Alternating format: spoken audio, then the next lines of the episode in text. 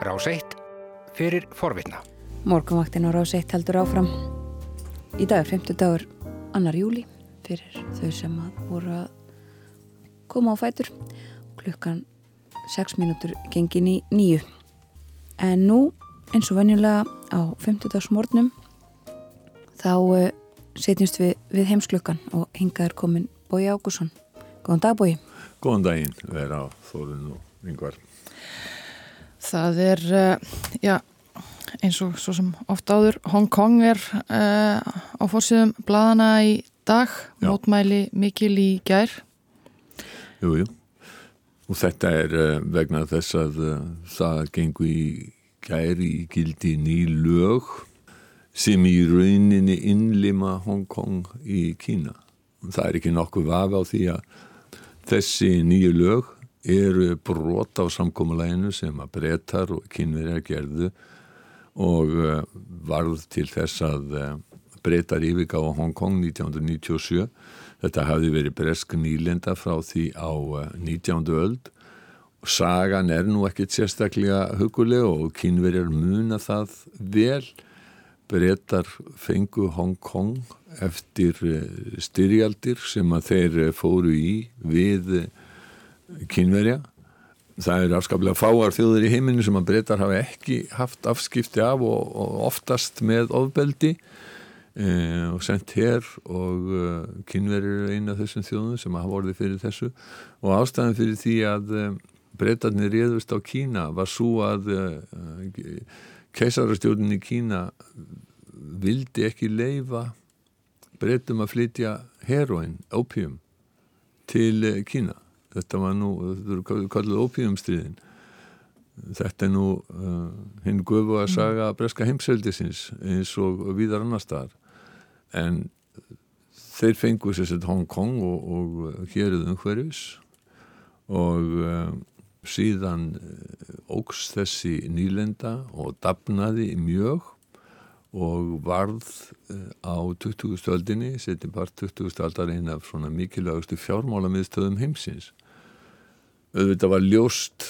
að undir lók 20. aldar gætu gæti Evrópu þjóð ekki verið með nýlendu einhver staðar hinnum inn á hnettinum og hvað þá í stórveldinu hinnu vaksandi, rísandi stórveldi Kína og það var samið um það að það væru eins og þetta var kalla eitt ríki, tvö kerfi og í þessi ár hefur já, við hefum ekki það sagt að hefur verið svona ansi miklu meira líðræði í Hong Kong heldur en í Kína. Uh, og nú hins vegar svo stjórn sem er við völdi í Peking núna, hún hefur verið miklu meiri einræðis og harræðis stjórn heldur en uh, það sem koma á undan. Og uh, hún þólir enga andstöðu og nú hefur Hong Kong eiginlega de facto verið innlima. Mm. og það náttúrulega ætti að verða mönnum svona tilefni til þess að spyrja sig er eitthvað að marka samninga sem að kynveri er að gera Hvað, uh, hvað finnst breytum um? Breytar eru mjög reyðir út af þessu og uh, Boris Johnson sagði í þinginu í gær að uh, og, og þeir voru reyna búin að segja þetta áður að þeir myndu leifa þeim Hongkong búum sem voru fætti fyrir 1997 og fjölskyldum þeirra að flytja til Breitlands og setjast þar að.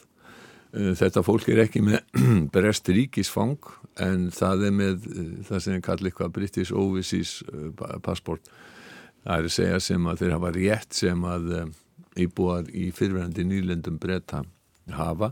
Þetta er um það byrjum þrjálf miljónum manna og það er því gríðarlega blóðtaka fyrir efnahagslífið í Hong Kong ef að einhver hluti af þessu fólki velur að fara. Það er náttúrulega alls ekkit víst að þetta fólk vilji fara allt til Breitlands en það eru önnuríki sem að mjög gætna vildi fá þetta fólk til sín eins og til dæmis Ástralja og því að þetta minnu í þess hvað gerðist í Uganda á 8. áratug síðustu alda þegar Ídi Amin innræðis er að þá rak alla, alla millistjallasins fólk sem að var af asískum uppruna úr landi og þau fóru nokkur hundur þúsund til Breitlands uh, og þetta eiginlega lagði efnahagslíf Uganda í rúst uh, en var uh, sumuleiti mikil innspýting fyrir breyta.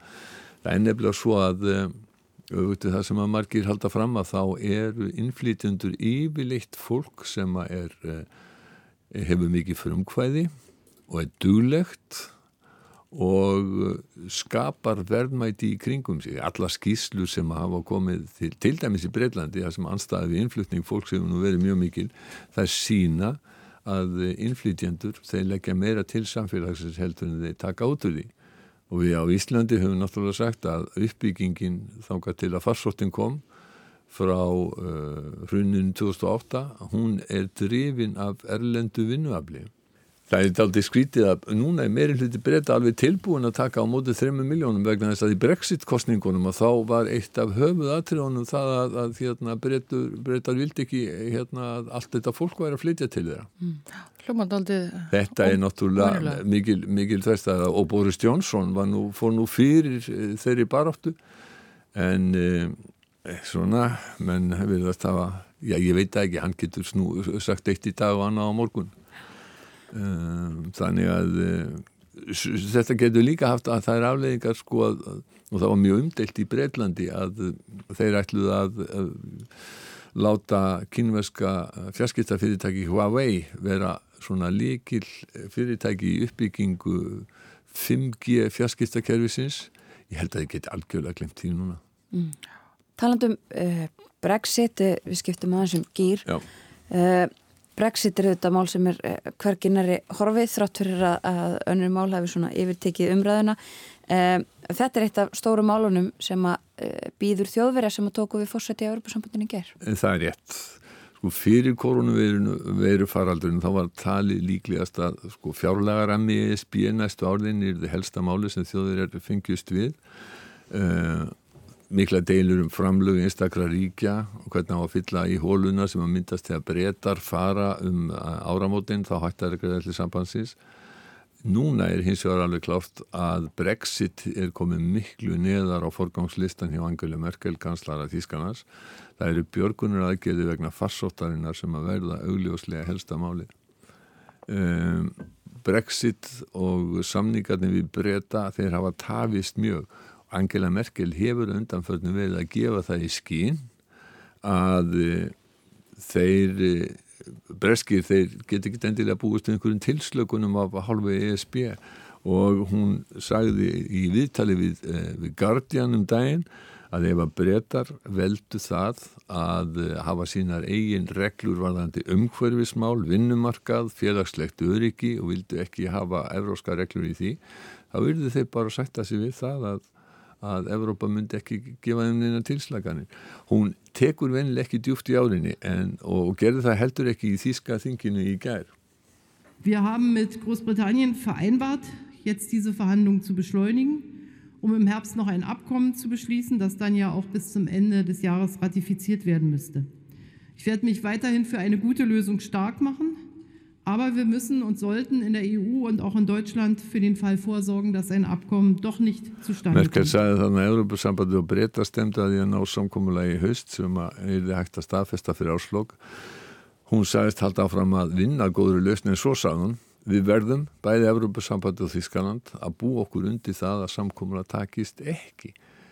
Og eins og ég segi, Merkel er venjulega afar orðvör, hún er ekki gjörn á á að nota hástemdar yfirlýsingar eh, fólk verður að hlusta vel eftir því hvað það er sem hún meinar sko. hún er að þessu leiti afar ólík já, til dæmis Donald Trump eða Boris Johnson sem vorum að tala um það eru miklu orðhákar eh, segja geta miklu meira heldur en þið geta staðið við og, og oft bara reyna vittlisu, svo, svo, orðum það bara eins og það er Já. En uh, það er nú eiginlega ekkert uh, langt síðan það var eiginlega búið að afskrifa Merkel Nei Hún hefur eiginlega öðlast nýtt líf með koronaveiru faraldrinum. Fyrir áramót þá virtist bara vera beðið eftir því hún hætti. Eh, hún er búin að lýsa því hún ætla að gera það eftir næstu þingkostningar um, og það virtist vera sem að hennar áhrif væri eiginlega fjara út. En snörviðbröð hennar við farsóttinni og þjóðverja almennt uh, hafa orðið til þess að, að hún hefur svona öðlast nýtt líf. Hún hefur... Uh, núna haft uh, fórustu um það að þjóðveri hafa gerbreytt afstöðu sinni hvart styrkjum til ríkja Evrópusambansins. Í Evrókrísinni fyrir svona áratug þá harnituðu þjóðverjar að ESB tæki ábyrð og skuldum þeirra ESB-ríkja sem að skulduðu mest. Um, núna hafa þjóðverið hins vegar lagt til ásand fyrir okkum að það verði búin til 750 miljardar evra björgunarsjóður sem ætlun er til þess að nýta til þess að hjálpa ríkjum sem er illa stödd aðalega í söður hluta Evrópu. Það er, við erum að tala um Ítalíu og Spán og við erum að tala um Gríkland og, og Portugal. Uh, Úrsula von der Leyen, fórseti framkvæmdastjórnarinnar, hún kynnti þessa tilugur í, í lók mæ. Uh, 250 miljardar eiga að vera lán en 500 miljardar evra eiga að vera styrkir og eftir kræfið styrkir og uh, von der Leyen sagði að Evrópuríkin það að standa saman. Þau hefðu öll saman. Líka norður Evrópuríkin uh, þjóðverjar og, og danir og uh, hollendingar og svíjar hagnast gríðarlega á, á innri markaðanum og innbyrðisviðskiptum. Og ef ekki er þið gripið til rástafana núna þá gæti þetta allt verið unnið fyrir gíg sko það eru fjöguríki aðalega sem eru mjög á móti þessu Danmörk, Svíþjóð, Östuríki og Holland. Þeir telja að sjóðurinn sé í fyrsta lagi og stór og þeir tím ekki að setja penning sem að e, verða styrkir vegna þess að það er þá bara tilfæslega fjö frá þeim til e, fátakari ríkja. Um, þessi ríkir eru nefndu sko einskuðu frúgal fór félagi minn á fréttastofunni Áskil Tómasson kallaði þetta hinn fjögur frábytnu við höfum líka talað um fjögur sparsum eða aðhalsríkin þessi fjögur ríki eru náttúrulega ekki þau stæstu innan Evropasambansins stæstu ríkin eru hlind og Ítalið og Spátna sjálfsögðu eða málsir samkvæmt eh, vegna þess að þau fengja háar fjárhæðir. Mm. eh, það merkilega er að, að þjóðverjar skuli hafa skiptum skoðun og það virðist líka vera sem að almenn anstaða hvorki í Fraklandinni í Þískalandi sé við það að, að styrkja ríkin. Uh, í Eurokrísunni þá, þá, þá, þótt, þá þótti þjóðverjum sem að, að þjóðverjna bæru sjálfar ábyrða ástæðinu. Þær hefðu verið kæruleysar eitt um efni fram haft, haft allt og dýrt lífeyriskerfi að tala um að fólk væri á eftirlund fyrir 60 í Gríklandi og, og svona skattarinn heimtu stíla og þetta verið þjóðunum sjálfum að kenna og það getur bara tekið á, á, á sínum málum, hætt óráðsíðunni, hert sultarólina og borga skuldinar Economist uh, þá geta tímaritt bentir unnar á að, að það hefur nú aðalega verið þíski bankar sem að hefðu lánað eins og enginn væri morgundagur þannig að að bæri nú sína sök á þessu Já. Núna er hins á svo skoðun að efnahagsörðuleikarnir séu aflegin kvassóttarinnar og, og svo náttúrulega líka meðvitundum það að miklu meiri heldur en að var að uh, það fólk sem að lendi vest í hinnum erfið efnahagsaðgerðum var ekki fólk sem að bara ábyrð á þeim. Eh, þannig að eh, afstæðan hefur breyst aldrei Já, og kannski líka eh, já, þessi afstæða og áallin sem að gerðar í þeirri krísu, hún reyndist ekkit óbúslega vel endilega. Nei, þó að það hafi að vísi verið komin hagvöxtur á ný í Gríklandi, svo, dæmi sem við nefndi, þá var á Ítalið, þá var eiginlega látdeið á ekkert að gerast sko. En hver er ástæða þess að frakkar og þjóðverðar vilja núna hafa þetta uh, að mestu leiti í formi styrkja en ekki lána? Það er ástæðanir í svo að uh, þeir telja að vest setturíkin séu svo skuldsett, skuldsett fyrir að frekari lán gætu bara sliga þau. Fjárfestar getur mist trú á því eða getur staðið undir skuldabyrðinni og eins og venjulegur á markaði þá skiptir sálfræði miklu máli og uh, kaupa hérna getur rökk hrokkið frá því að, að já, það geti skapast panik eh, og allt dæmið hrunið eins og spilaborg. Og eh, það hefur verið bent á að eh, sko ef efnagaslífið í Suður-Európu hrinur og þá bytni það að sjálfsögðu á útflutningi í ríkjana í norðri. Þetta er, eitt, eh, þetta, þetta er bara efnagaskerfi sem er svo, svo samþætt Þannig að samdráttur kemur niður á öllum. Það er talað um það að aukin skuldabyrði veststöttur ríkjana geti líka leitt til vaksta hækkana og uh, þau ríki stæði ekki undir því og það er því hrun og uh, það kemur sér, að vaksta hækkum kemur sér illa fyrir alla. Vextir eru mjög lágur eins og er núna sko. En þessi fjögur frábeitnu aðhaldsríkin, Östuríki, Danmark, Holland og Svíþjóð þau var sem sagt enn ekki fallist á að aðstóðin Ílastöð ríki verði í formi styrkja en eh, tekst hinnum ríkunum að telja þeim hugvarf?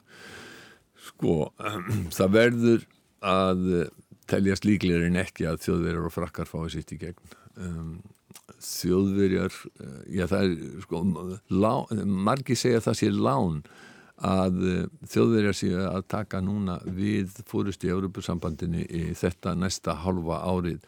Þetta er ríkast á fjölmennasta þjóðinn eh, þetta hlutverk skiptist á milli ríkja Európusambansins og það er til dæmis, menn hafa sagt að já, heldur betur þjóðverjar eh, fórstu þessi vandamál, heldur til dæmis Malta. Um, og þegar þjóður og frakkar vilja eitthvað innan Európa-sambansins að þá meiri líkur en ekki að það, það takist sko. Þjóðurinn hafi verið mjög treyir að taka sér fórustu hlutverk eh, en e, þeir eiginlega bara eh, verða að gera það sko. Og merkeli var alltaf verið, verið svona mjögt þegar ég um, En hún sagði núna þegar hún var á fundi með eh, Macron fyrir vikunni að það væri almennu skilningur á því að ESB-ríkin yrði að taka samíla og erfileikunum og stiða hvert annar og það væri miklar uh, væntingar. Ich freue mich, dass es ein gemeinsames Verständnis gibt, dass wir die Herausforderungen auch gemeinsam stemmen wollen und äh, dass wir uns gegenseitig unterstützen. Die Erwartungen sind hoch. Merkel orðaði þessa nöðsinn Eh, eftir, eftir fund með, með, með Macron eh, og eh, hún sagði líka að það væri mjög gott þegar að frakkar og þjóðverjar stæði saman. Það bóðaði ekki gott þegar að deilur væri með þjóðverjum og frökkum það er fyrir evrópska samstöðu. Ähm, wir wissen ganz genau, natürlich, wenn Deutschland und Frankreich einig sind, ist nicht Europa sich einig. Aber wenn Deutschland und Frankreich sich uneinig sind, dann ist es mit der Einigkeit Europas nicht besonders gut bestellt. Emmanuel Macron var miklu beinskiptari. Ég ætla ekki að vera með neina málalenginga, sagði Macron. Við verðum að koma framkvæmt því sem við höfum ákveð, sem sagt að koma upp 500 miljardar evra styrtasjóði fyrir þau svæði sem hafa vorið vest úti. Je ferai très simple. Il faut que nous arrivions à consolider ce que nous avons ensemble décidé, un emprunt commun, au moins 500 milliards de subventions budgétaires et vers les régions les plus touchées. Nous l'avons écrit noir sur blanc avec la chancelière, c'est notre priorité absolue. C'est ce qui permet à l'Europe d'être à la hauteur et de répondre au défi qui est aujourd'hui le sien. Car attendre ne rendra pas les choses plus simples. Macron sagði þarna að þau Merkel vildu að Evrópa geti tekist á við vandan og hann telti það yrði mögulegt. Strax í júli, erfileikarnir yrðu bara meiri ef það væri beðið. Þíska stjórnin væri með og metnaði fulla áætlun fyrir eh, næsta halva árið. Það sem gerist núna er að það verður leittóafundur um miðan mánuðin og uh, ég myndi nú svona freka veði á það að uh, að frakkar og þjóðverjar fái sitt í gegn. Þegar þeir njóta stuðnings spánverja og ítala þá fæ ég nú eiginlega ekki sé hvernig danir og svíjar ætla að geta staði gegn þessu. Um, auðvita verða einhver hosakaupp auðvita fá þessar sparsumu þjóðir fjórar eitthvað í sinn snúð. Þegar verið talað um það að þeir afslætti til dæmi sem að danir hafa fengið frá aðildargjöldum þeir haldi sér eitthvað meira verður, verður, verður sagt og svo náttúrulega verða leðtóar í þessum löndum líka að reyna að gera þjóðum sinu grein fyrir því að það er hagur allra að endur þessa efnahagslífið í Suður-Európu. Við fylgjumst áfram með þessu Bói Ágursson, takk að fyrir komuna í morgunvættina.